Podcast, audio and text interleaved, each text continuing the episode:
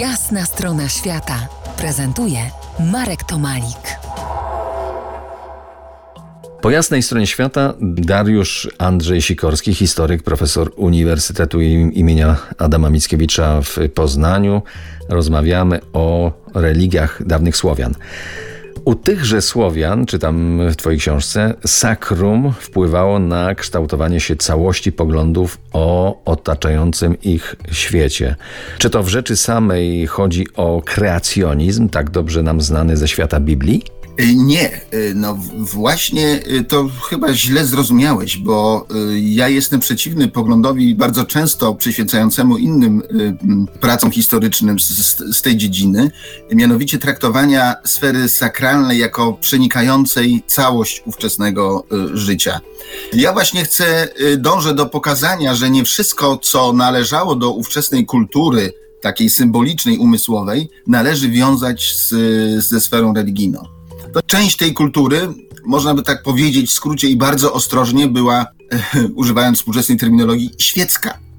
Tylko, że część z niej była, czy dzisiaj jest, interpretowana w kategoriach sakralnych tylko dlatego, że pochodzi z czasów przedchrześcijańskich i traktuje się te elementy jako przynależne do, do sfery sakralnej. To jest jeden z powodów, dla których te wizje religii są różne, bo jeżeli y, do sfery religijnej zaliczy się na przykład magię, no to od razu ilość źródeł nam wzrasta, ale także ten obraz tej religii jest bogatszy. Magia była, jak powiedzmy też y, wróżbiarstwo czy demonologia, innymi aspektami życia i kultury ówczesnych ludzi. Religia była jednym z nich. Ale wymieniłeś, tak? Y, wymieniłeś demony. Słowianie w Twojej książce czytam, przedchrześcijańscy raczej stronili od demonów, jeśli już to zapożyczali je z y, południa, z Bałkanów. Skąd zatem na przykład strzyga?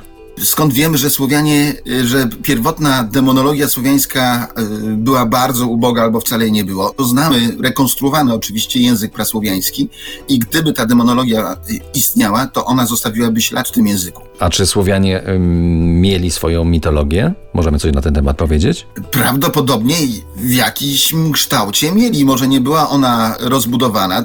Trudno powiedzieć, y, dlatego że my jej nie znamy. Słowianie nie pozostawili po sobie żadnych tekstów mitologicznych. A cytowany przez ciebie Kazimierz Moszyński mm, sprowadza religię dawnych Słowian do prymitywnych. Jak ty na to się patrzysz?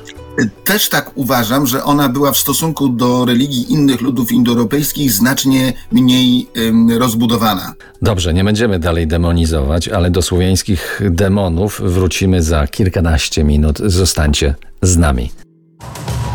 To jest jasna strona świata w RMS Classic.